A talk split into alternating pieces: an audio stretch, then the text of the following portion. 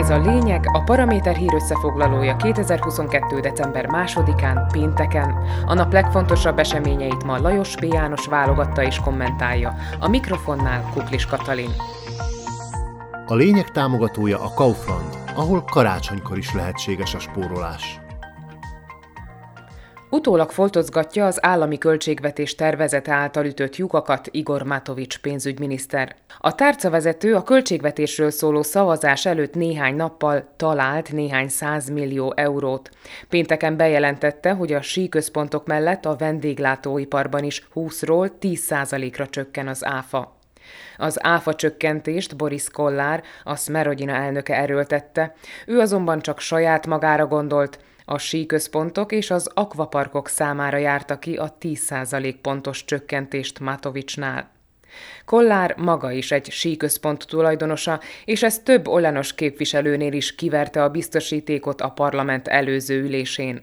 Akkor többen követelték, hogy ha Kollár és síközpontja kedvezményt kap, akkor a vendéglátóiparnak is járna felére vágott áfa most megkapták, igaz, csak az első negyedévre, vagyis március végéig, vagyis amíg a sípályák is üzemelnek. Az önkormányzatok is kiártak egy kis pénzt Matovicsnál. A pénzügyminiszter ugyanaz adóbónusz emelésével elvesz tőlük mintegy 300 millió eurót, de most visszaadna 100 milliót a cégek adóbefizetéseiből, és további 200 milliót az energiaköltségeik növekedésének fedezésére. Úgy látszik, a pénzügyminiszter rájött arra, hogy nem fordíthat maga ellen ekkora lobbyerővel rendelkező csoportot, főleg a költségvetés megszavazása előtt. A pénteki sajtótájékoztatón azonban arra nem tért ki, hogy honnét veszi el ezeket az összegeket, a két intézkedés ugyanis mintegy 350 millió euróba kerül. Matovics azonban még mindig nem dőlhet hátra, egyáltalán nem biztos, hogy a parlament elfogadja a költségvetést.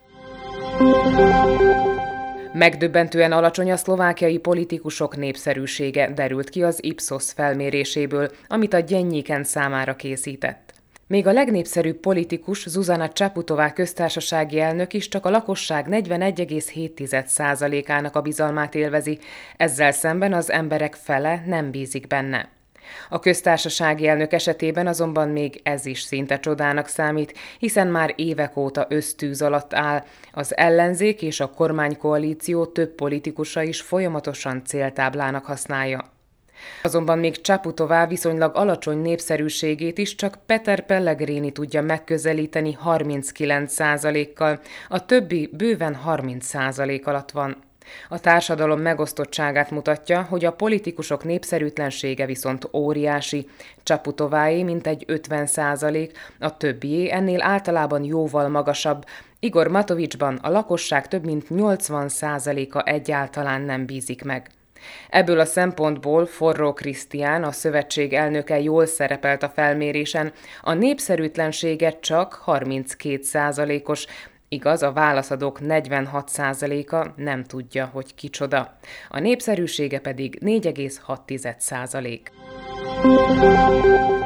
Úgy tűnik, hogy a szövetség nem az építkezésre, hanem saját maga lebontására akarja felhasználni a helyi és a megyei önkormányzati választásokon elért jó eredményt. Ez derül ki legalábbis abból, hogy a választásokra való felkészülés helyett egyes politikusaik a nagy nehezen felállított párt szerkezetet vernék szét.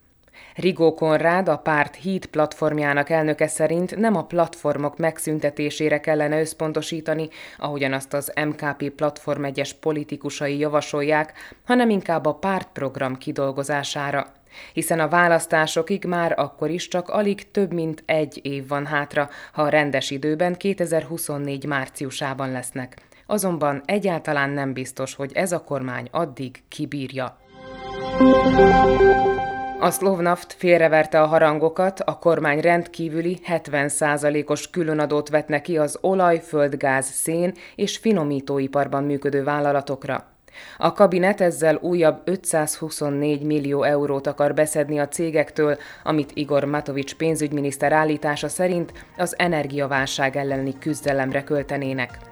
A Slovnaft szerint viszont ez veszélybe sodorhatja a közép-európai régió energiabiztonságát, amely több millió eurós beruházást igényel.